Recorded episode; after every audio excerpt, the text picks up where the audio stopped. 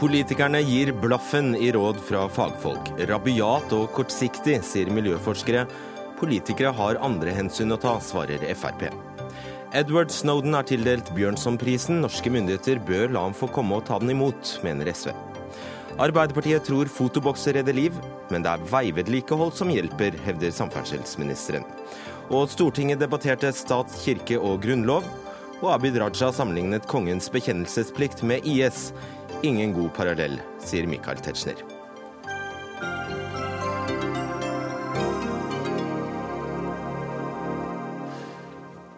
Før denne Dagsnytt 18-sendingen er over, skal vi sneie innom konferansen det er umulig å ikke ha fått med seg, Gunnhild Stordalens EAT-konferanse. Mitt navn er Fredrik Solvang. Politikerne gir fullstendig blaffen i råd fra fagfolk. Ja, det er første påstand i Dagsnytt 18. I Dagsnytt i dag har vi hørt en rekke miljøforskere som er mildt sagt oppgitt over at politikerne ser helt bort fra råd, selv i saker der ulike fagmiljøer er unisone i sine anbefalinger. Kortsiktig økonomisk gevinst trumfer øyensynlig miljøet, er dommen. Og en av forskerne som er bekymret, ja det er deg, Bjørn P. Kaltenborn. Du er seniorforsker ved Norsk institutt for naturforskning. Og du går så langt som å si at det drives en rabiat og kortsiktig politikk, og at politikerne rett og slett neglisjerer kunnskap. Det var litt av en dom? Eh, ja da, det er jo det. Eh, nå er det sånn at Miljøpolitikk det dreier seg om å ta beslutninger om selve livsgrunnlaget vårt, intet mindre. Eh, og det er jo mange versjoner av og veier til det gode liv. Det kan vi diskutere lenge, og selvfølgelig mye mer enn vi har tid til her.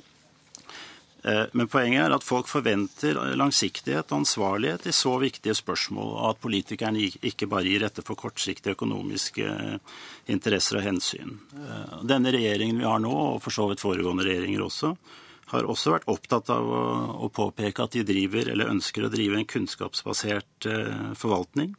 Og En del av den ansvarligheten som ligger i sånt, et sånt utsagn eller en sånn visjon, er at man ta på alvor det å bruke den beste tilgjengelige kunnskapen som finnes. Og det ser vi en god del eksempler på ja, at det ikke skjer. Kom gjerne med dem. Eh, et par veldig konkrete eksempler fra senere tid er jo denne blyhagldebatten vi har hatt når det gjelder jakt og ammunisjon. Og det gjelder denne lovendringen om motorferdsel i utmark, hvor man nå åpner opp for, eh, for fornøyelseskjøring med snøscooter. Og I disse to eh, eksemplene så mener du regjeringen totalt ignorerer kunnskap? Ja, det mener jeg at de langt på vei gjør. Spesielt i denne blyhagldebatten, hvor det er alltid en viss grad av usikkerhet i, i vitenskap. Det er vitenskapens natur. Men i det tilfellet her så har vi en sjelden sterk samling eller enighet rundt, eh, rundt kunnskap om at dette er en veldig, veldig dårlig idé. Eh, å, å gjøre den type beslutning som man til slutt endte opp med i Stortinget. Oskar Grimstad, du er stortingsrepresentant for eh, Fremskrittspartiet, og vi får si du representerer regjeringen i denne sammenhengen. Som vi hører her fra Kaltenborn, det er egentlig nesten bare å legge ned Stortinget, fordi de vet best, forskerne? Ja, du kan få det inntrykket helt til han begynner å ta sine forbehold. Og eh, de forbeholdene som han tar, viser jo nettopp den, den uh, oppgaven vi har som politikere med at vi er nødt til å, å balansere mellom dette med å få faglig input og hva, uh, hva vi ønsker å, å komme, og, og hvordan skal vi komme til målet. Han tar fram to eksempel, og når han bruker begrepet fornøyelseskjøring om, om snøscooter, så viser det det at, det, at uh, man har ikke helt forstått uh, hva vi har gjort. Det vi har gjort bl.a. der, det er jo gitt lokaldemokratiet mulighet til å etablere løyper. Men det kan like gjerne være i næringssammenheng, det kan være uh, som, som, at det er fornøyelseskjøring. Og vi ser dette med for å bruke begrepet kunnskapsbasert forvaltning. Jo, men nettopp der er vi nødt til å balansere. og vi ser okay, den største... Så du bestrider ikke at forskerne på disse to eh, områdene er, faktisk er veldig enige? Nei, jeg bestrider ikke det, men samtidig så, så er det også slik at det, eh, man ser at uh, til og med forskninga kan ta feil. Og det er der jeg registrerer at uh, Kaltenborn tar en, en, en, et lite forbehold. Og det viser også at det er behov for de som, som skal kunne komme inn og se hva skal vi vektlegge av det faglige, og hva skal vi vektlegge av det politiske. Og vi som politikere er nødt til å gjøre en fornuftig balanse der. Du Kaltenborn, har jo det privilegiet at du kan være helt sneversynt. Ja, jeg syns ikke det er så sneversynt å være opptatt av de langsiktige spørsmålene og prøve å sammenstille forskjellige typer kunnskap. Jeg, jeg sitter selvfølgelig i en posisjon hvor jeg kan være uavhengig av politiske partiprogrammer og sånt. Men i denne snøskuterdebatten så, så, har vi jo nettopp påpekt eh, og satt sammen mange kilder med informasjon som viser at både fra et folkehelseperspektiv, i forhold til forurensningsproblematikk, i forhold til dyreliv, natur, andre friluftslivsinteresser, så er dette sterkt konfliktskapende. Eh, jeg syns egentlig vi har ført en veldig samlet og, og nyansert diskusjon som egentlig ender opp med en veldig klar konklusjon. Og så vil jeg spørre deg, nå, nå, nå, valgte du jo to eksempler eh, på hva dagens eh, regjering eh, gjør som ikke er i tråd med kunnskap. Men er det bare de blå-blå som har svin på skogen her? Nei da, på ingen måte. Det er, det er, lett å skyte bare på dem. Men jeg kan jo minne om at både Arbeiderpartiet og Senterpartiet var, var aktive pådrivere i begge disse sakene og sørget for at de fikk flertall. Aha.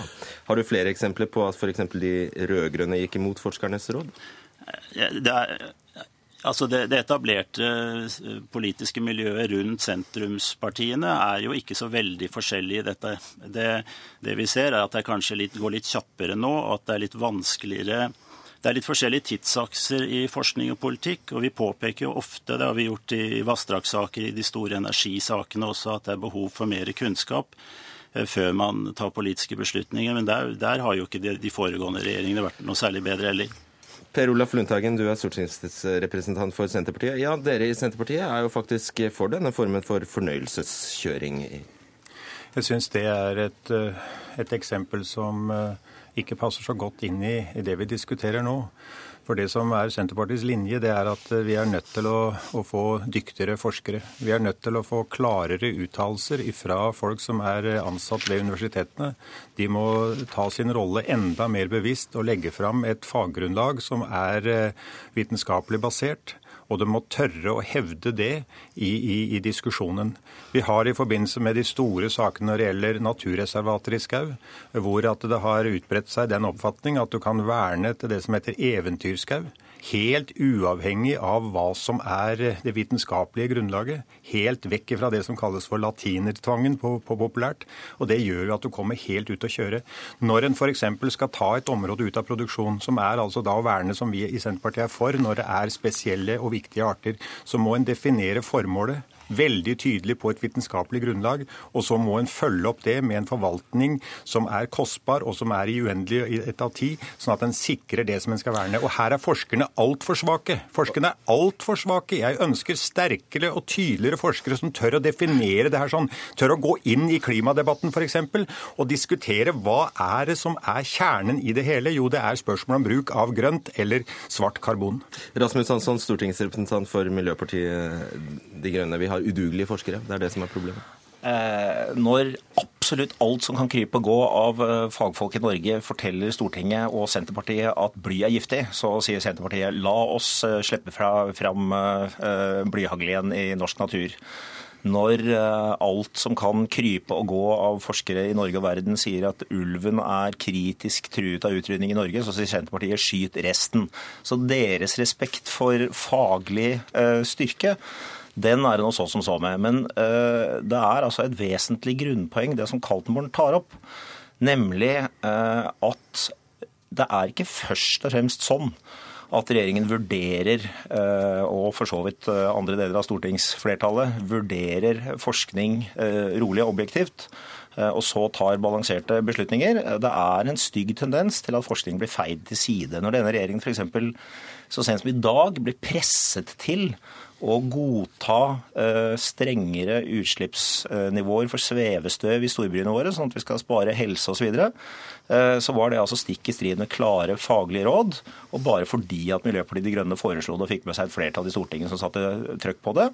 Og når denne regjeringen uh, som vi har i dag, kjører en kraftlinjer gjennom naturreservatet i Sørdalen og vil bygge motorvei gjennom naturreservatene i Nordre Tyrifjorden, så er det altså stikk i strid med solid faglig dokumentasjon for hvorfor man skal ta vare på disse områdene. Så det er litt for mange eksempler. Ja, og ut fra disse resonnementene, Hansson, så er det vel sånn at eh, MDGs partiprogram absolutt alt i det er i tråd med all gjeldende forskning? Det er det helt sikkert ikke. Vi er et ungt parti med et ungt partiprogram som eh, trenger eh, grundig arbeid. Og dessuten så kommer Miljøpartiet De Grønne til å ta feil i en del faglige områder. Men det som er poenget med oss, er at vi forsøker å høre på forskning, og ikke avfeie den når vi ikke liker den. Altså Forskning, programleder, den er i altfor stor grad i Norge oppdragsbasert, og det er i stor grad staten som betaler det. sånn at det er jo et utsagn at kjøp deg en forsker i altfor stor grad. Senterpartiet ønsker at eh, universitetene skal i mye større grad finansieres med rammebevilgninger, og at en definerer hva en skal eh, få forskning på. F.eks. det her med arter og naturtyper, som er det kjernen i naturmangfoldsloven. Vi har snart ikke miljøer igjen i Norge fordi at universitetene står fritt til å forske på det en ønsker, og det norske blir altså prioritert vekk i en internasjonal viktig sammenheng. Altså, ja, det- eh, ja. ja. Mener du, altså Er det økonomiske hensyn som, eh, som eh, trumfer de faglige, eller hva, hva er det som skjer? Ja, I det store bildet da er det ikke noe tvil om at det, det skjer i veldig stor grad. At det er mye lettere å jobbe fram og, og kjempe for økonomisk, kortsiktige økonomiske interesser enn langsiktige miljøspørsmål. Eh, Men jeg vil si at dette er jo en debatt vi i høyeste grad er veldig glad for å ta innad, eh, eller fra forskningsmiljøene også. fordi Norge står jo ovenfor noen gigantiske utfordringer med en omstilling til en mye grønnere økonomi. Det er ingen som er uenig i noen som helst leir i at vi trenger masse nye arbeidsplasser basert på, på naturressurser i dette landet, ettersom olje og osv. er på vei ut. Eh, Da er vi nødt til å bruke den aller beste kunnskapen, de aller beste hodene fra, fra alle forskningsmiljøene for å få til dette. Dette er det store månelandingsprosjektet forskningsmessig i, i tida fremover. Og da, da må vi ikke sitte på hver vår tue og, og, og bare hakke om på om forskning er viktig eller ikke. Altså, vi, vi må gå mye lengre i, i intelligente debatter på det der. Grimstad, du er vel i, i bunn og grunn enig i at eh, politikken bør være så forskningsbasert som mulig? I utgangspunktet så skal politikken være kunnskapsbasert, det er jeg enig. Men så, den, eh, så må vi også ta inn det at eh, miljøforskning de har jo fokus på sitt fagfelt. og Vi som politikere er nødt til å se hele bildet. Og Vi kan ta et eksempel. Vi har jo forskning som viser at med utbygging av elektrisk kraft så, så taper vi biologisk mangfold. Men samtidig så trenger vi fornybar kraft. Og da må vi som politikere se på hva, hva, er det, hva er kostnaden ved å få fram denne fornybare krafta. Vi ser jo at Rasmus Hansson han, han sier at ok, vi trenger ikke det.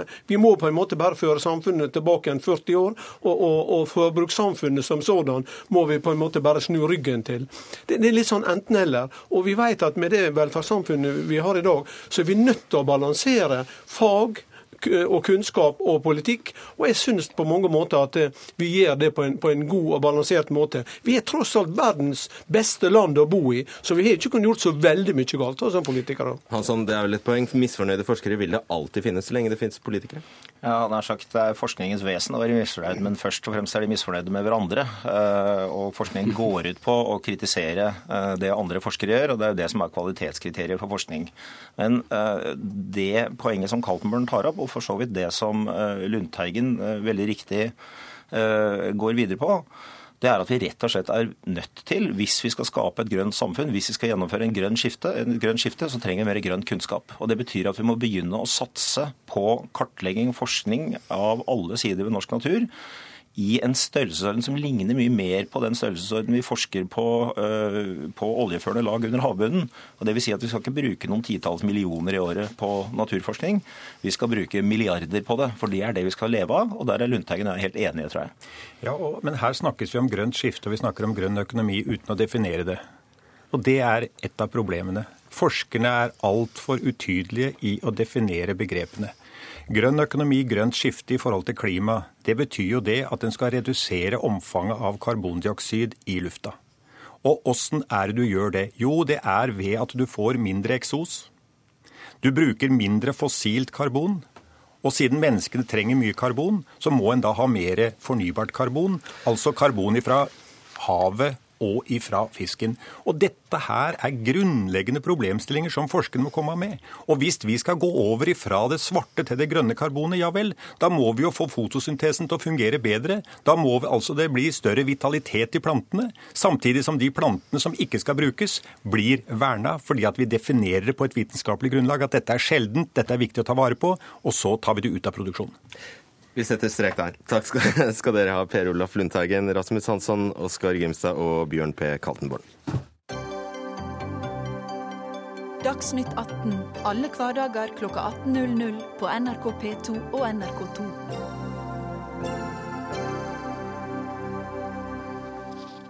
Kongen får fortsatt ikke velge sin religion. Det er bestemt etter at Venstres og SVs forslag om å fjerne Grunnlovens bekjennelsesparagraf ble nedstemt i Stortinget i går. Og dermed har ikke kongen noe valg. Han skal være kristen. Abid Raja, du er stortingsrepresentant eh, for Venstre. Eh, jeg vil gjerne sitere fra Vårt Land. Når det gjelder religionsfrihet under press, så er ISIL bare et siste eksempel på mennesker som blir drept i Syria og Irak pga. at man har en annen tro eller ikke føyer seg etter en bestemt retning innenfor en religion. Og så sammenlignet du i stortingsdebatten kongens manglende religionsfrihet med ISILs forfølgelse av religiøse minoriteter. Hva er det som går av deg? Eh, for det første så må jeg tilbakevise det du sier her. Det er fullstendig feil det Vårt Land gjør her. Eh, og jeg vil oppfordre alle til å bare gå inn på Stortingets nettsider og lese hele mitt innlegg, hvor jeg absolutt ikke, absolutt ikke gjør en sammenligning mellom kongens bekjennelsesplikt og ISIL. Jeg forklarer eh, veldig godt og gjør rede for Venstres syn når det gjelder å gjøre grunnloven vår livssynsnøytral. Og jeg mener at Det å velge tro og livssyn det er et personlig valg, og vi mener at statens oppgave er å sikre livssynsfrihet som grunnleggende verdi og rettighet. Og vi mener at vi må gjøre dette på en upartisk måte, og ikke knytte staten opp til en bestemt religion. Og så gjør jeg rede for at jo denne kongen har jo valgt seg eh, en religion, og det er jo helt greit det. At man velger å være kristen, det skulle bare mangle. Jeg er for full frihet. Men at det er noe rart over at vi skal beholde i Grunnloven en bestemmelse, paragraf 4 altså, som sier at enhver konge, eh, også fremtidige, Eh, som skal være konger i Norge, og ikke minst eh, være statsoverhoder her, de vil altså måtte bekjenne seg til kristendommen. Det syns jeg er rart at vi skal binde opp fremtidige generasjoner til å bekjenne seg til en, til en retning innenfor kristendommen. Det syns jeg er rart, og det er det jeg tok til orde for. Og så forklarte jeg hvordan religionsfrihet i verden er under press mange steder i verden. og Deriblant nevnte jeg ISIL som et eksempel, men jeg gjorde overhodet ingen sammenligning av uh, kongens bekjennelsesplikt og ISIL. Det ville vært veldig tåpelig å gjøre. Ja, det ville, ville kanskje. Michael Tetzschner, stortingsrepresentant for Høyre, du var jo til stede. Hva hørte du? Ehm, jeg hørte ikke den siste presiseringen, men den er jeg glad for. Men så ehm, istedenfor å diskutere for mye hva som kunne vært sagt i går, så tror jeg det er viktig å få eh, denne debatten inn i den riktige sammenhengen. Fordi det vi debatterte, var et forslag fra Venstre og SV om å fjerne henvisningen til eh, kristne og eh, den kristne arv i Grunnloven. Så man vil gjøre endringer i paragraf 2. Og så har man altså heftet seg ved paragraf 4, som henger igjen fra gamle, gamle, dager, da kongen formelt sett også var leder av uh, Den norske uh, kirke.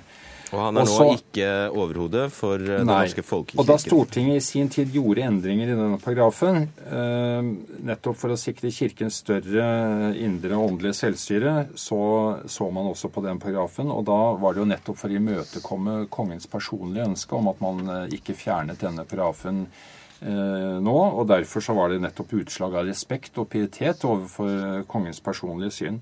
Og så ser man jo selvfølgelig nå at denne også formuleringen at man skal bekjenne seg til, den ville vi eh, normalt i dag formulert eh, helt annerledes, nemlig slik det en gang var eh, også slik at det måtte være et flertall i statsrådet som var medlemmer av Den norske kirke når de avgjorde Men, kirkelige saker. Så det er ikke noen bekjennelsesplikt slik man, man kan lese uh, direkte ut av det, men opprinnelig var det jo et pålegg om at uh, vår monark skulle tilhøre Den norske kirke. Så uh, kongen som privatperson kan godt godt være buddhist, eh, buddhist uten at vi har noe med det å gjøre? Han har aldri vært oppe, ikke den nåværende kongen og ingen av hans forgjengere har vært oppe til noen eh, teologisk eh, prøve. Jeg vil jo mene at altså, Hvis man eh, skulle få en fremtidig monark eh, nå er denne, Nåværende konge har jo tilkjennegitt at han er troende kristne, så det er for så vidt greit.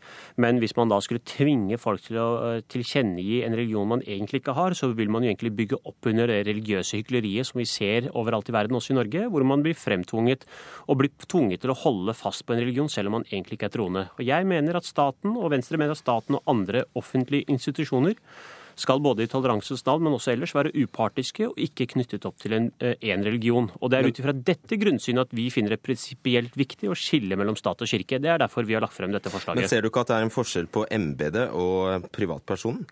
Jo, men det å, å f.eks. å tvinge for eksempel, La oss si at du hadde hatt en konge eh, som ikke var troende kristen, men skulle allikevel fremstå som kristen og bekjenne seg til kristendommen.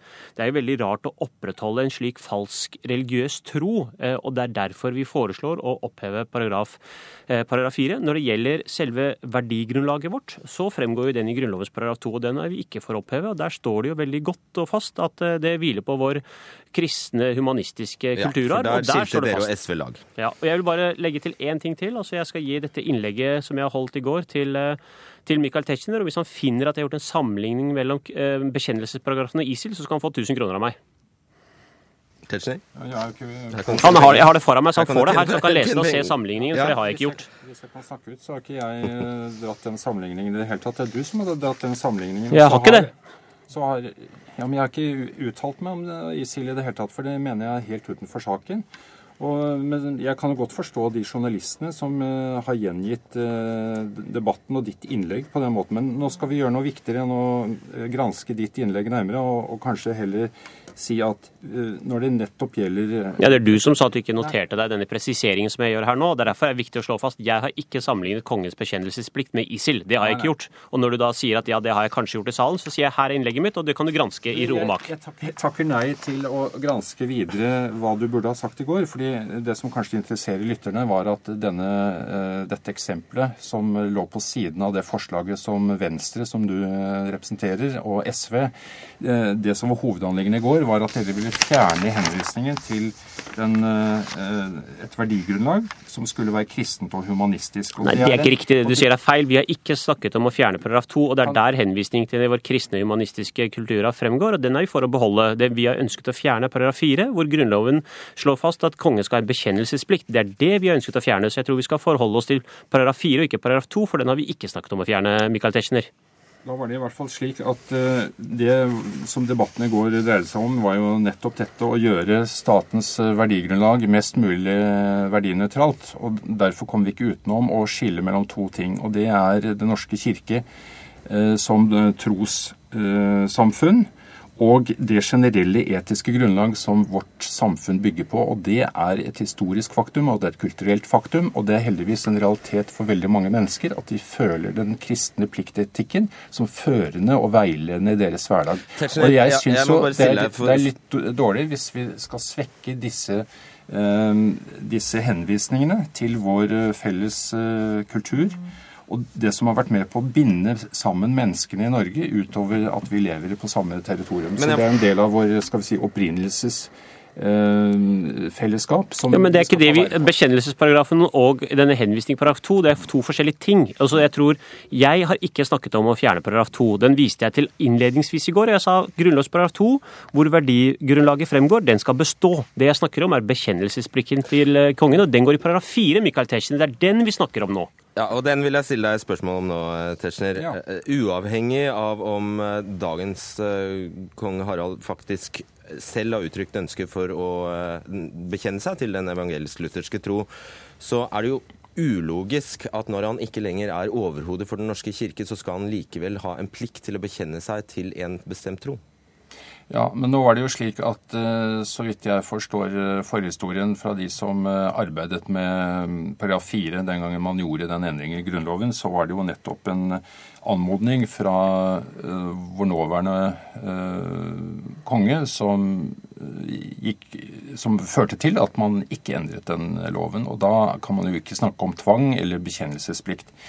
Så får man jo se hva senere generasjoner måtte mene om den saken, og jeg tror det i virkeligheten er en avsporing av en ellers ganske interessant eh, debatt som vi bør ta oftere, og hvor eh, Abid og Venstre kan gi gode bidrag. Men eh, for meg så var det altså en detalj, og når den i virkeligheten er et uttrykk for at man respekterer et ønske fra vår nåværende konge, så er det det motsatte av tvang. Jo, nå snakker vi oss litt bort fra saken. Også, det handler ikke bare om nåværende konge. Det handler også om en grunnlov som ikke lar seg endre enkelt. Og nå hadde vi muligheten til å gjøre det. Det handler også om fremtidige monarker og vårt, vår monarki. Og det vi gjør da, er at vi sier at enhver tid sittende monark i Norge skal bekjenne seg til den evangelisk-lutherske retning innenfor kristendommen. Og hvis du da har da en monark som ikke gjør det inni seg, så skal han allikevel falsk gi inntrykk at han gjør det. Og det er nettopp det som er problemet med religionsfrihet i verden under press. Ikke bare her hjemme, men over overalt i verden, hvor folk blir tvunget til å uh, tilkjennegi en religion de egentlig ikke har. Og religion bør uh, egentlig helst være en sak mellom seg sjøl og Gud, og ikke en, stat, en, en, sak vi blander inn i statens anliggender. Derfor vil det ryddigste være å gjøre grunnloven vår mest mulig nøytral, hvor vi skiller vekk alt som har med religion å gjøre. Akkurat som vi ikke liker at islam, la meg fullføre, akkurat som vi ikke liker at islamske stater at vi har blander inn islam inn i statens anliggende. Akkurat slik burde heller ikke Norge blande inn mm. kristendommen i statens anliggende. Det, det, det var ingen andre enn dere det var ingen andre enn dere og eh, SV som mente dette, vel? Nei, det var det ikke, men jeg skjønner at det er symbolsk vanskelig bestemmelse å fjerne. Eh, men jeg håpet jo på at når paragraf 2 så til de grader slår klart og tydelig fast at vårt verdigrunnlag vil fortsette å være kristen og humanistisk, at man kunne ha fjernet denne bekjennelsesplikten. Men eh, jeg slår fast at kongen er, og fremtidige konger er og blir, de personene i Norge som ikke har religionsfrihet i Norge. Unnskyld, kan jeg bare si at jeg prøvde å komme gjennom med følgende resonnement før jeg ble avbrutt, og det er følgende. Denne gamle ordlyden som bruker ordet 'bekjenne', den har ingen betydning for at man setter opp noe prøve eller noe krav om et spesielt trosliv.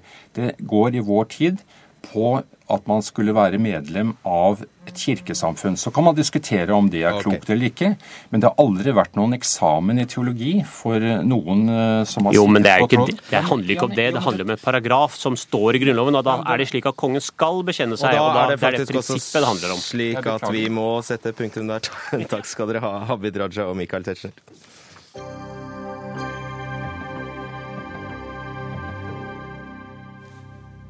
Arbeiderpartiet vil plage bilistene med flere fotobokser for å redusere antallet ulykker. Men det er ikke det som funker. Ja, Det sier du, Ketil Solvik-Olsen, samferdselsminister for Fremskrittspartiet. Hva fungerer? Jeg mener vi må se på bredden av tiltak. Det handler både om å bli bedre på kjøreferdigheter, og for utenlandske sjåfører i Norge. Det handler om å bli strengere på tekniske krav på kjøretøy, og gjerne spesielt på tunge biler. Så handler det om å sørge for at vi òg har bedre veier. Vi har brukt altfor mye tid på bare å snakke om én og én til fotoboks. Det som er viktig, syns vi, det er å heller sørge for at vi har bedre veier. Vi har altså framskynda vedlikehold. Det har medført at eh, den statistiske sikkerheten på veiene har gått uh, markert opp. Hva betyr det? Den statistiske sikkerheten? Jo, det betyr at Vegvesenet hvert år vurderer av de tiltakene de gjennomfører på veiene, hva betyr det for økt trafikksikkerhet? Altså i forhold til redusert antall drepte og skadde i trafikken. Eh, det budsjettet som forrige regjering la fram for 2014, ville måtte trygge trafikksikkerhet med åtte personer i året. Når vi hadde gjort våre endringer, så ville det bety elleve personer kom tryggere gjennom trafikken. Altså færre skadd eller drepte. Og Det handler om at vi har altså tredobla eh, antall kilometer som har fått forsterka midtoppmerking. Vegvesenet, når de nå skal gjøre et sånt prosjekt i Østfold, så sier de at dette forbedrer trafikksikkerheten med rundt 60 og Det er for lange strekninger. Når du snakker om fotobokser, så snakker du om et veldig kort mm. punkt der du akkurat der reduserer faren med høy fart fordi at folk eh, senker farten. Men hvis du over lange strekninger kan øke trafikksikkerheten minst like mye, det ikke koster så mye penger, og du i tillegg får en bedre hverdag på veiene, så mener vi at da er det en minst like god måte å tilnærme seg trafikksikkerhet. Og vi ser jo òg gledelig at uh, ulykkestallene så langt i år er stort sett de laveste ja, siden krigen, eller siden vi begynte å kjøre bil i stort omfang i Norge. Kjell Idar Juvik, du er stortingsrepresentant for Arbeiderpartiet. Dette høres jo helt magisk ut. Man slipper å plage bilistene med, med fotobokser, forbedre veiene, og ulykkestallene går ned. Ja, først er det ikke sånn at uh, Vi mener at vi plager bilistene i forhold til det med fotobokser. Det er jo et Det vil vel de færreste bilister være enig med deg Ja, både òg. Når vi ser undersøkelser på det, så er det jo mange som syns det her er positivt. For klart alle, både jeg og Ketil Solvik-Olsen, ønsker jo å gjøre med trafikksikkerheten. Å få ned antall drepte, som vi er på god vei med. Og når vi ser at det er tiltak som virker, som det her er, så syns vi at det er oppsiktsvekkende at man ikke vil ta det i bruk. Og Vi har respekt for at det kom ny regjering og ville utrede dette. Det er gjort, og det er slått klart fast at det har stor effekt. Altså Helt opp i 54% reduksjon av hardt skadde og drepte viste at det er sånn streknings-ATK har. Ja, men bedre vedlikehold fungerer like bra? Likehold skal vi gjøre, og det har vi sats på. Og begynner å prate i forhold til det, så er vi helt enige. Så vi mener at dette man kan gjøre både og. Det er jo det som er det store. og Derfor syns jeg at det er veldig spesielt at vi har en minister som er veldig opptatt av trafikksikkerhet, men vil ikke bruke det virkemidlet som vi vet fungerer. Ja, benekter du faktisk at fotobokser med gjennomsnittsmålinger som vi snakker om eh, her, til, og, som bidrar til fartsreduksjon og færre ulykker? Ja, fotobokser bidrar til fartsreduksjon, og det bidrar òg til færre ulykker. Så er spørsmålet, hvis vi har en gitt sum penger eller en gitt sum tiltak, hvordan oppnår du best mulig effekt? Og Istedenfor alltid ty til flere kontroller og la veien være i den standarden han har vært i mange år, så har vi sagt vi vil heller prioritere vedlikehold. Vedlikeholdsbevilgningen er altså nesten 70% høyere i 2015 enn den var i det budsjettet som Arbeiderpartiet foreslo for 2014 før de gikk ut av regjering. Men nå har de mye mer penger, sier de? Ja, og det er veldig hyggelig at de støtter opp om alt det vi har gjort. Men vi har altså sett at i de tre siste årene før Arbeiderpartiet gikk ut av regjering, så reduserte ja. de de reelle vedlikeholdsbevilgningene år for år. Og det, nå kjører ministeren den faste plata si. Nei, jeg har lyst til å si det. Jo, men det, det, det er jo for... En gang. Men det faktum endrer seg ikke fra gang til gang. Ikke prate om tallet vårt for 2015. 2015. Og du slår inn åpne dører i forhold til å bruke penger på vei. Ja, dagens regjering bevilger mye mer penger på vei. Nei, sånn... ikke mye mer penger. Du slår opp åpne dører. Den store løftet kom i transportplanen, og Arbeiderpartiet har fulgt opp. Og du vet budsjettet vårt i 2015. Der har vi faktisk mer penger enn Solvik-Olsen har i det forslaget han la fram. Og vi har mer penger enn det som ble vedtatt. Så, så der slår du opp åpne dører. Vi er helt, jo, vi er helt enig i det. Men det som er diskusjonen her, og grunnen til at Stortinget faktisk må gripe inn og overstyre ministeren, det er at ministeren ikke vil bruke tiltak som fungerer. Og det vil han kan oppleve nå når denne saken Nå sitter vi og skriver på den i komiteen og skal avgi den. Og jeg vil tro hvis partiene står på det som har sagt det før, så vil det være et flertall for å fortsatt ha, ta i bruk dette virkemidlet. Vi, vi avviser ikke fotoboks alle steder. Det er like mye fotoboks i dag som når Juvik sin regjering styrte. Vi har sagt vi evaluerer det, og vi ser på om det kan være hensiktsmessig spesielt i tunneler. Vi er ikke ferdig med det arbeidet ennå. Det som jeg sier og påpeker, det er at vi har altså en opposisjon som har plukket ut fotobokser som det saliggjørende innenfor trafikksikkerheten. Det er jo helt feil. Og selv om en, en skryter av at en har litt mer penger til vei nå, fordi at han foreslår samtidig å øke skattene med 13 milliarder kroner, så påpeker jeg som faktisk har blitt prioritert når han faktisk har hatt makt. De siste tre årene Arbeiderpartiet styrte, så reduserte de jevnt og trutt bevilgningen til vedlikehold. Vi har økt det med 70% ikke fordi det står i Nasjonal transportplan, men fordi vi ligger langt foran Nasjonal transportplan. Og da håper jeg og ikke noe galt om streknings-ATK. Og det er, ikke, det, det er, ikke, idiotisk, selv om sånne ord ble forsøkt lagt i munnen. Men det handler om å se på bredden av tiltak. Det handler om å se på at hvis du får forsterka midtoppmerking, hvis du får flere midtdelere, så har det mye større effekt over mye lengre avstander enn én og en fotoboks har på korte avstander. Det, det, høres logisk ut. Ja, men, men Stortinget er jo enig. Vi, har laga eh, blitt enige om hva vi skal satse på slags tiltak framover. Og da ser vi at vi må bruke 30 Eh, i forhold til den biten som går på, på veibiten og investeringene, og 70% på tiltak. Det ministeren snakker om nå, det er de 30% som vi er enige om. Men da gjenstår de 70% i forhold til tiltak for å nå det målet vi har satt oss mot 2024, eh, som et ganske ambisiøst mål, men som vi er enige om. om altså tiltak jo, 30 og 70 ja, men, altså, men, men har, med, med, Hvis jeg får lov å fullføre. Ja, du, sier, ja, nå skal jeg forklare det. For du ja. sier at dere vil ta i bruk streknings-ATK. Og Det syns jeg er bra hvis du sier det nå. Det er ikke det du skriver i svaret til oss. Det er ikke dere har sagt så langt. Det står i siste setning at vi fortsatt skal, evaluerer det. Dere skal komme tilbake til det kanskje i den trafikksikkerhetsmeldinga, ja. men det er jo evaluert. Effekten er jo der. Så hvorfor man vil ikke man ta det i bruk? Altså, Her sitter de klar altså, på tunneler. F.eks. Det, det du avslår. altså Det tiltaket som skulle, eh, du sa nettopp eh, nei, nei til i, i, forhold til, eh, i, i, forhold til den, den strekninga som du har sagt nei til til ei strekning, sant? I, uh, i uh, Det var mens vi fortsatt evaluerte det. Da var det vel feil å begynne å konkludere. Nei, men, på, det var ikke, det var, da var det klart. Nei, det var, vi var ikke ferdig å evaluere det. Og Vi har kun fått den ene søknaden. Altså, gir en inntrykk av at her er det masse søknader inne. Da må de faktisk begynne å sende de til oss. Vi har diskutert ja, masse strekninger uten at vi har fått de til behandling. Men, kjære men det, som, det som for meg er viktig, det er at vi har satt oss ned og så har vi sett på hva er det som faktisk gir effekt. Når vi snakker med trafikksikkerhetsorganisasjoner, og ikke minst pårørende av ulykker, så er det midtoppmerking, midtdelere. Ja, men det er vi, det er, det er vi jo enig i. Jo, og da er jeg kjempeglad for at dere endrer politikk etter dere Vi har ikke endra politikk. Nei, men, okay, Kall det hva du vil, da. Det er jo dere som endrer politikk. og, og, og ja. nå, For jeg må få lov å arrestere ministeren i det. For han, den søknaden som kom fra Møre og Romsdal, den kom i mars i år. Mars ja, 2015. Evalueringa var ferdig i fjor høst. Ja, fra Tøy, og, du, og du sa nei til dem. Og der har det vært 78 drepte og skadde siden den tunnelen åpna. Og de sier at det virkemiddelet som må til her, det er å få lov å ta i bruk den. Og det overprøver du fagfolkene. Juvik, hvis du prøver å ha orden i tidshorisontene her. fordi det er riktig at TØI har gjort en rapport som konkluderer med det TØI konkluderte med på nærmest forrige rapport òg. Og så gjør regjeringen jobb. Så har vi satt i gang en, et arbeid med å levere en trafikksikkerhetsmelding til Stortinget. Det er faktisk første gang på lenge at det skjer. Men så er det altså å prøve å få perspektivene opp fra fotoboksen og over til hva kan vi gjøre for å få veibanen til å bli bedre. For å sørge for at vi tar flere utenlandske vogntog ut av norske veier. Der har vi altså på vogntogsida firedobla kontrollen. Ja, det er vi òg enig i. Jo, men, og, og, det er veldig bra. Og det måtte altså en ny regjering til for at det skulle skje. Nei. Og det er veldig bra at du syns det vi gjør, er veldig bra. Hei, dere fortsetter utenfor. Takk skal dere ha, Ketil Solvik-Olsen og Kjell Idar Gjøvik. Hør Dagsnytt 18 når du vil. Radio NRK Radio.nrk.no.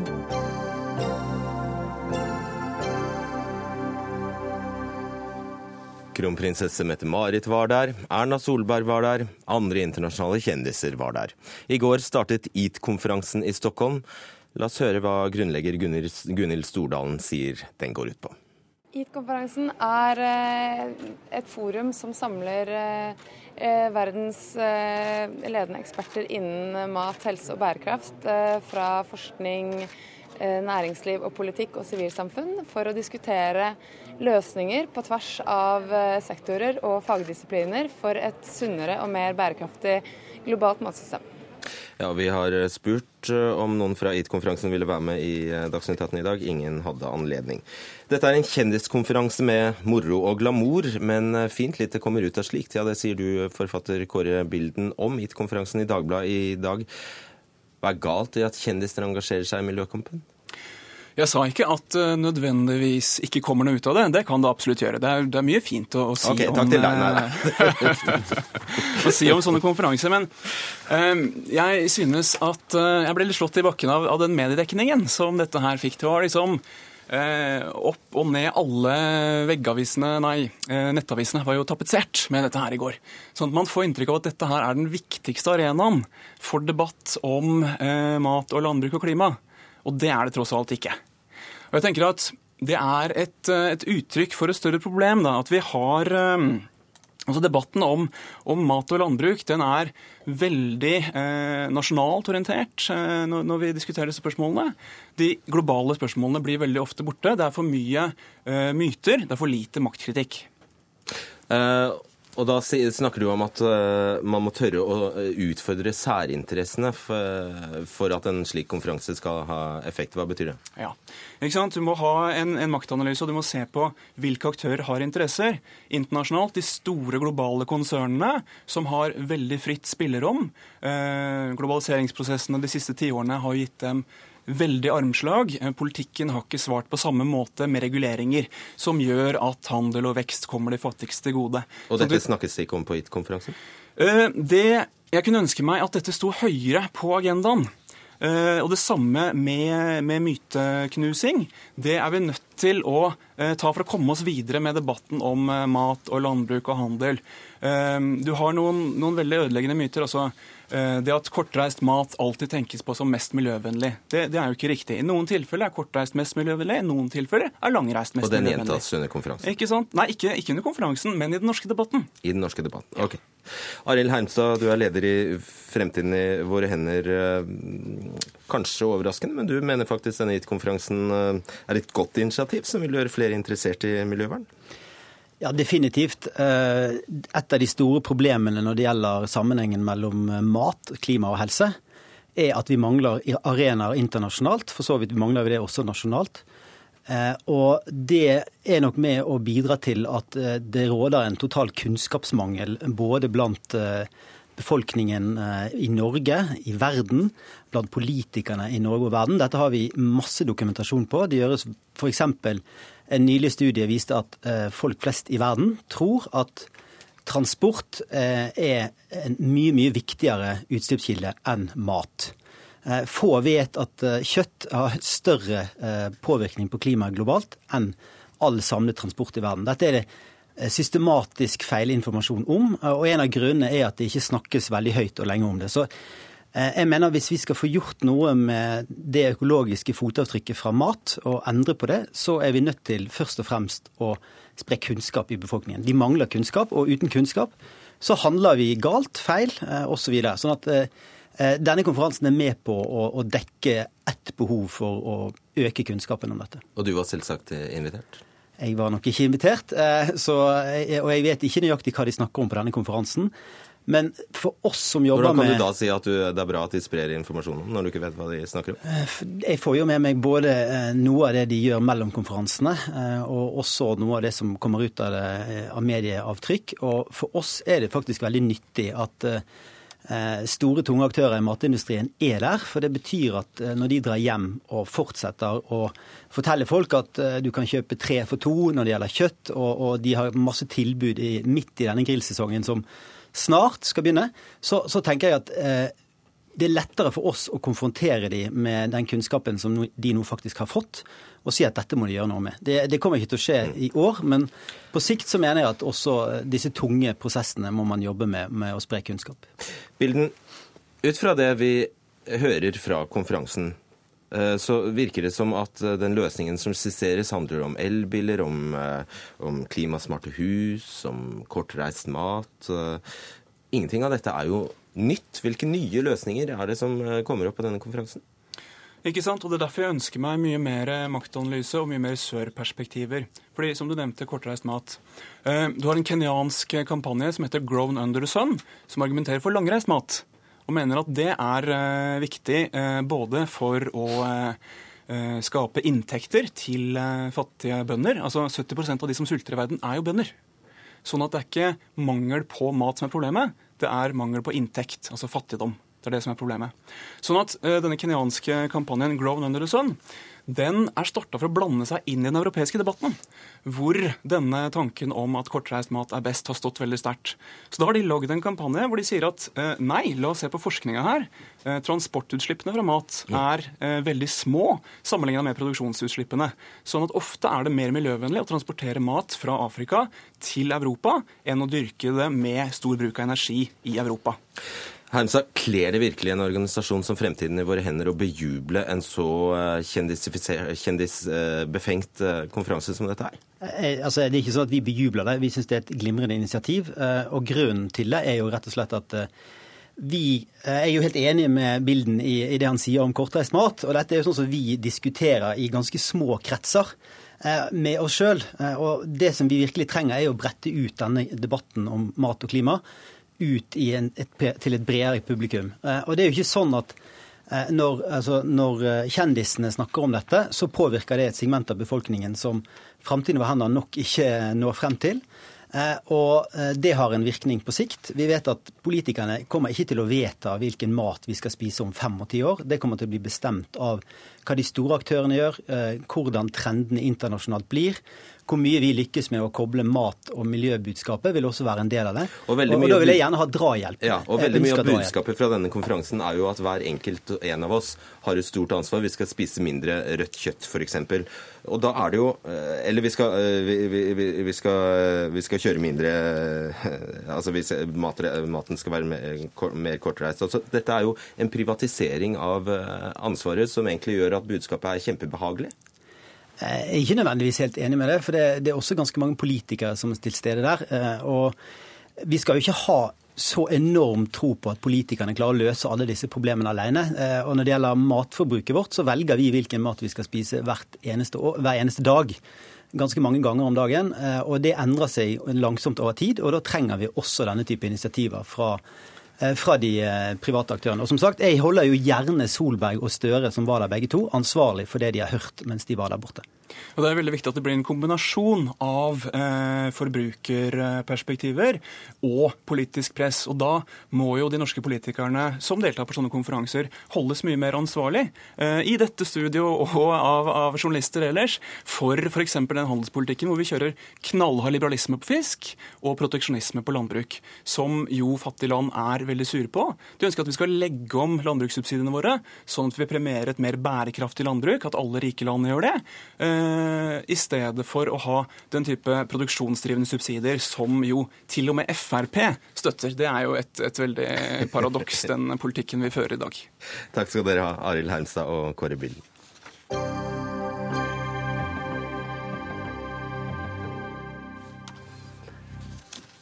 Edward Snowden må få komme til Norge for å ta imot Bjørnsonprisen. Det mener SV som ber norske myndigheter garantere for Snowdens sikkerhet dersom han kommer til eh, Norge. Den amerikanske varsleren bor eh, nå i Russland og er siktet og etterlyst for spionasje i hjemlandet USA. Snorre Valen, du er eh, stortingsrepresentant for SV. Hva slags garanti er det dere ønsker at regjeringen skal gi vi mener at både regjeringa og så mange stortingspolitikere som mulig både bør eh, gratulere en verdig mottaker av Bjørnstjerne Bjørnsonprisen med, eh, med tildelinga, men også gi et tydelig signal om at eh, han bør være beskytta når han kommer til Norge. Det kan både justisministeren gjøre ved å si at Snowden ikke vil bli utlevert til USA, og stortingspolitikerne gjør det ved å si at det er en selvfølge at han får bevege seg fritt og motta prisen og, og ha fritt leide i Norge mens han er her. Eh, Karsten Friis, du er senior, seniorrådgiver i eh, NUPI, Norsk utenrikspolitisk institutt. Eh, Syns du dette høres fornuftig ut? Ja, så det er, det er jo komplekst med Snowden, fordi han, han, har jo flere ting. Han har, han har dels avslørt masseovervåkning av amerikanere gjennom server og telenett og trafikkdata og spesielle programmer som vi har hørt om. Så har han, har han også avslørt at det samme har å gjøre de mot utlendinger på, på, rundt omkring hele verden. Men så har han også i tillegg avslørt at de avlytter kontorer og statsledere. de husker telefonen til Angela Merkel og slike ting. Og, og, klart Noe av dette, det siste, er jo, er egentlig klassisk spionasje. Og, og, dermed ulovlig i henhold til amerikansk lov og i de andre fleste land i verden. Så... Dette med masseovervåkning av utlendinger er jo også noe som f.eks. norsk etterretning driver med. Eh, kanskje ikke samme skala, men uansett, det er ikke noe spesielt med USA. Så syns du da det er en eh, god idé at norske myndigheter skal utstede en slags eh, garanti for at han ikke blir utlevert? Jeg synes det er nok litt, litt vanskelig, fordi at, eh, som sagt, i og med at han også har, har valgt å bryte amerikansk lov Uh, ikke bare på det som handler om brudd av amerikansk grunnlov, for det, det, da er man varsler, og det kan han slippe unna med. Og Det har han gjort mye positivt med det, men, men på alt det andre han har gjort, så har han ikke helt oversikt over hva konsekvensene kan være. Eh, og han har da valgt å gå ut med å, å, å avsløre ren spionasjevirksomhet. Man kan like eller ikke like det politisk, men, men, men, men uansett et politisk valg han har gjort, og som gjør at det er ikke overraskende at, at amerikanske myndigheter har valgt å, å, å tiltale ham for akkurat dette. Kristin Einarsson, du er styremedlem i Bjørnson-akademiet. Eh, først, Hvorfor får han prisen? Ja, Han får eh, prisen fordi at han eh, har gjort et viktig bidrag når det gjelder personvern for den enkelte, men også for ytringsfriheten. Fordi Det som er bekymringsfullt, er jo at den type offentlig overvåkning kan fort begrense da ytringsfrihetsaspektet også. Og I Bjørnsons ånd så har vi særlig vektlagt det siste. Har dere vektlagt at han er en ettersøkt kriminell? Vi har vektlagt at han er nok på mange måter varslernes varsler. Og eh, vi mener at eh, den vurderingen han gjorde da han valgte å gå ut med dette, var en riktig vurdering. Så da, eh, har vi da sett på det rettslige grunnlaget. Vi har to advokatfirmaer som har sett på er det et rettslig grunnlag for at han kan komme til Norge, få lov til å vende tilbake uten å bli utlevert. Og begge disse advokatfirmaene, renommerte som sådan, mener at det finnes et rettslig grunnlag for det. Fordi han får en pris, ikke fordi han, det hadde ikke gått hvis han skulle hit på en eh, liten ferie? I prinsippet tror jeg ikke det skiller det ene eller det annet, slik jeg oppfattet advokatene. Nå er ikke jeg jurist, men jeg tror at, uh, at hvis regjeringen vil, så kan de i forhold til å, å gå inn i straffeloven slik disse advokatene har gjort, der er på en måte varslerdelen overstyrer de, skal si, tjueridelen av det som eventuelt måtte ligge i dette. Så, så det, det, finnes et rettig grunnlag som, som vi ja, gjør disponibelt for, eller gjør tilgjengelig for myndighetene. Mm. Kristian Berg Harpuken, direktør ved Institutt for fredsforskning, PRIO. Hvordan ville USA ha reagert dersom Snowden ble mottatt med åpne armer i Norge uten å bli utlevert? Nei, Vi kan nok være ganske sikre på at reaksjonene på den amerikanske ambassaden på Drammensveien ville være sterke, og det ville komme sterke signaler fra Washington, og man ville gjøre det man kunne for å oppmuntre norske myndigheter eh, til å stå last og brast med vår nærmeste allierte, USA, og forhindre at Snowden kunne komme til Norge og hylles på denne måten. Jeg tror eh, ganske kraftige virkemidler ville bli satt inn i allianseforholdet her for å forebygge det som ville være en PR-skandale sett fra Det hvite hus sitt perspektiv. Forslaget ditt er jo helt hasardiøst, Snorre Valen. Det vil jo for det første være ganske spesielt om andre land bestemmer hvem som får bevege seg fritt i Norge. Eh, det er jo sånn at Snowden er etterlyst for en politisk forbrytelse, og dermed så skal han ikke utleveres til, eh, til andre land. Og Vi har jo tradisjon i Norge, og vi tok f.eks. imot asylsøkere fra USA under eh, Vietnamkrigen. Og så må jeg jo få peke på den forferdelige ironien da, i at det er jo helt riktig som Bjørnstjerne Bjørnson Akademiet sier, at Snowden har eh, hjulpet vår kamp for ytringsfrihet fordi han har avslørt den masseovervåkninga som begrenser vår reelle mulighet til å si eh, det vi mener, og ha tilgang på den informasjonen vi har behov for. Eh, og da er det ganske trist at den som varsler om dette, og den som stiller seg på vanlige borgere sin side i moderne vestlige rettsstater, han er nødt til å søke tilflukt i autoritære Russland, der Putin styrer, og der ytringsfriheten er under forferdelig press. fordi ingen andre land i Europa tør å ta imot den. Snowden hører jo mer hjemme i politisk asyl i et vesteuropeisk land enn han gjør i, i Russland. Karsten Friis, det må du Er det mulig å være uenig i det Snorre nå? Nei, Det er et godt poeng, det, og det som gjør det så vanskelig. fordi at Han har på den ene siden gjort noe veldig viktig for ytringsfriheten i verden, det er ingen tvil om det. Eh, og at han, han eh, fortjener varsler, varslermerkelapper, for å bruke det. Men så har han altså samtidig gjort andre ting som er avsløring av klassisk spionasje. Eh, og da, da det kan man si at kan vi sitte her hjemme trygt og si at eh, det var dumt av å gjøre begge deler. Eh, men det er nå likevel det jeg sier. Fordi at, fordi at, det er det som gjør at man er i en kinkig situasjon nå. Hadde han klart det for å begrense avsløringene til det som var mest avslørende når det gjaldt masseovervåkning, så tror jeg han hadde stilt sterkt i en amerikansk rettssak i dag. Uh, ja, Harpøken, du vil si noe? Ja, så I norsk sammenheng så, jo, så, vil jo dette bli et uh, juridisk basketak av dimensjoner. Og det er klart at uh, våre myndigheter vil gjøre det de kan for å finne juridiske beveggrunner for å hindre at han kommer hit. Men til sjuende og sist så må vi jo se på dette som det det er, et etisk, politisk spørsmål. Og som Einarsson sier her, det, vi hører jo hva Bjørnson Eh, komiteen har vektlagt i sin begrunnelse. Dette er etter min vurdering en av de aller viktigste trusler mot demokratiet i vårt, vår tid. Eh, Snowden har operert i en amerikansk virkelighet, men han har egentlig bidratt til å opplyse hele verden om omfanget av eh, moderne overvåkning, åpnet øynene på mange av oss. Og vi har en annen debatt om dette i dag enn vi mm. hadde for to-tre år tilbake. Mm. Så jeg syns knapt nok hans bidrag kan undervurderes kan overvurderes på politiske premisser. Min konklusjon er at eh, Norge åpenbart burde ta imot han. Dette er jo, eh, dette er jo en mann som, eh, som, har virkelig satt søkelys på, som jeg sa, et av vår tids aller største trusler mot demokratiet. Einarsson, i dag har det vært helt taust fra Justisdepartementet til Utlendingsdirektoratet og til alle, hele Stortinget. Vi vi har ringt veldig mange i dag. Helt taust.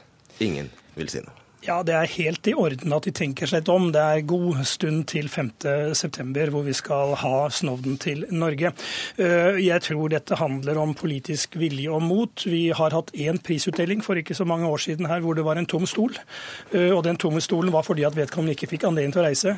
Hvis vi nå i Bjørnsons hjemby i Molde må ha en tom stol fordi personen ikke kan få garantert innreise til Norge og komme ut igjen, så eh, vil jeg si er det verdt den refsen Norge eventuelt måtte få fra USA for å gjøre det? Jeg tror det er den politiske avveining som må gjøres. og Dette handler jo tross alt om ytringsfrihet og Norge. Så spørs det om din definisjon av refs er lik Erna Solbergs eh, definisjon, kanskje. Snorre Valen til slutt.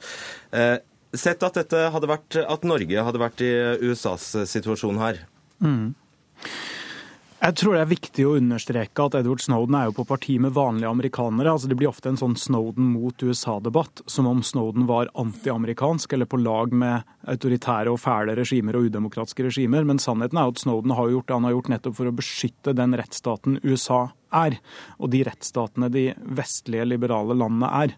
Eh, og jeg liker jo å tro da, at sjøl om Snowden hadde vært norsk og hadde avslørt at Norge hadde gjort noe lignende mot sine innbyggere, så hadde det vært mange oppegående mennesker i Norge som hadde tatt hans parti eh, og sørga for at han fikk en trygg og rettferdig behandling, og fikk den rosen og takken han fortjener for den innsatsen han har gjort. Fra. Norge, liksom? Ja, og sånn er det jo. Altså, det er jo massevis av mennesker i USA som er veldig glade for at Edward, Edward Snowden har gjort det han har gjort. Han er jo ikke betrakta som noen landsforræder eh, av hele den amerikanske befolkninga. Tvert imot.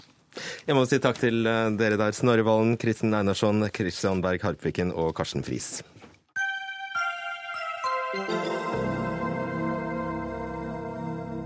Da har det akkurat kommet inn eh, hastemeldinger fra nyhetsbyråene om at presidenten for Det internasjonale fotballforbundet, Sepp Blatter, har trukket seg.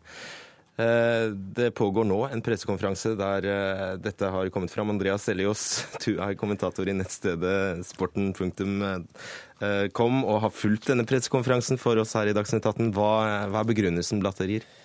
Begrunnelsen er at det har vært så mye trykk rundt eh, Fifa, og at eh, selv om han er valgt på nytt, så eh, ser det ikke ut som at denne, det bråket roer seg. Så han har da stilt sin eh, presidentpost i disposisjon, og han har utlyst en ny kongress, ekstraordinær kongress, som jeg, så vidt jeg hørte skal være 13. mai. Men han må jo være ganske treig i oppfattelsen. Dette så han vel eh, Han så jo hvor det bar. Ja, det har utviklet seg ganske mye de siste par dagene. Fordi eh, hans eh, generalsekretær Jerome Walke han har da blitt knyttet til korrupsjon i forbindelse med VM i Sør-Afrika. Eh, og, når, eh, og det har vært veldig lite brev og dokumentasjon på at, eh, at Sepp Latter har vært knyttet til direkte pengeoverføringer, men nå ser det ut som hans nærmeste medarbeider har vært knytta til pengeoverføringer under bordet. Og da kan det se ut som at det brenner under beina på han. Og det har kommet fram etter valget. Det har kommet fram etter valget i forbindelse med FBI-etterforskningen. Mhm. Så var han selv til stede på den pressekonferansen. Hvordan virket han? Han virket eh, overraskende rolig, og eh, han oppsummerte sin eh, 40 år lange karriere og startet med alle prosedyrene for hvordan et nytt kongressvalg eh, skal foregå, og at han da selvfølgelig sa selvfølgelig at han ikke skal stille sjøl. ja, det får man formode. Hva, altså, hva skjer videre nå, da? Nei, nå skal, må det jo da komme noen nye presidentkandidater. Jeg, jeg vet ikke helt hvordan de har tenkt å organisere det. Om det er en ny valgkamp, eller om den som stilte til valg sist, eller som han slo i valget sist, prins Ali fra, av Jordan, om han er den som naturlig tar over. Det er jeg litt usikker på, faktisk. Men eh, det kommer sikkert til å bli ganske hektisk aktivitet eh, nå. Så det, det var veldig dramatisk, eh, og jeg tror veldig mange som Er du overrasket? Jeg er litt overrasket. Jeg trodde faktisk at det var generalsekretæren som skulle gå. Eh, han har blitt sparka en gang før fordi han har eh, av Sepp Latter og gjeninnsatt av Sepp Latter igjen fordi han eh, drev med tvilsomme affærer i forbindelse med forhandlingene av Visa Mastercard-sponsorer tidlig på 2000-tallet. Eh, Så dette er en mann som er veldig, veldig, veldig tett knytta til Sepp Latter. og den som betalte de pengene som denne nåværende generalsekretæren er knytta til, det var finansministeren i Fifa og var en, også en veldig god venn av Sepp Blatter. Så dette her begynner å nærme seg Sepp Blatter med stormskritt.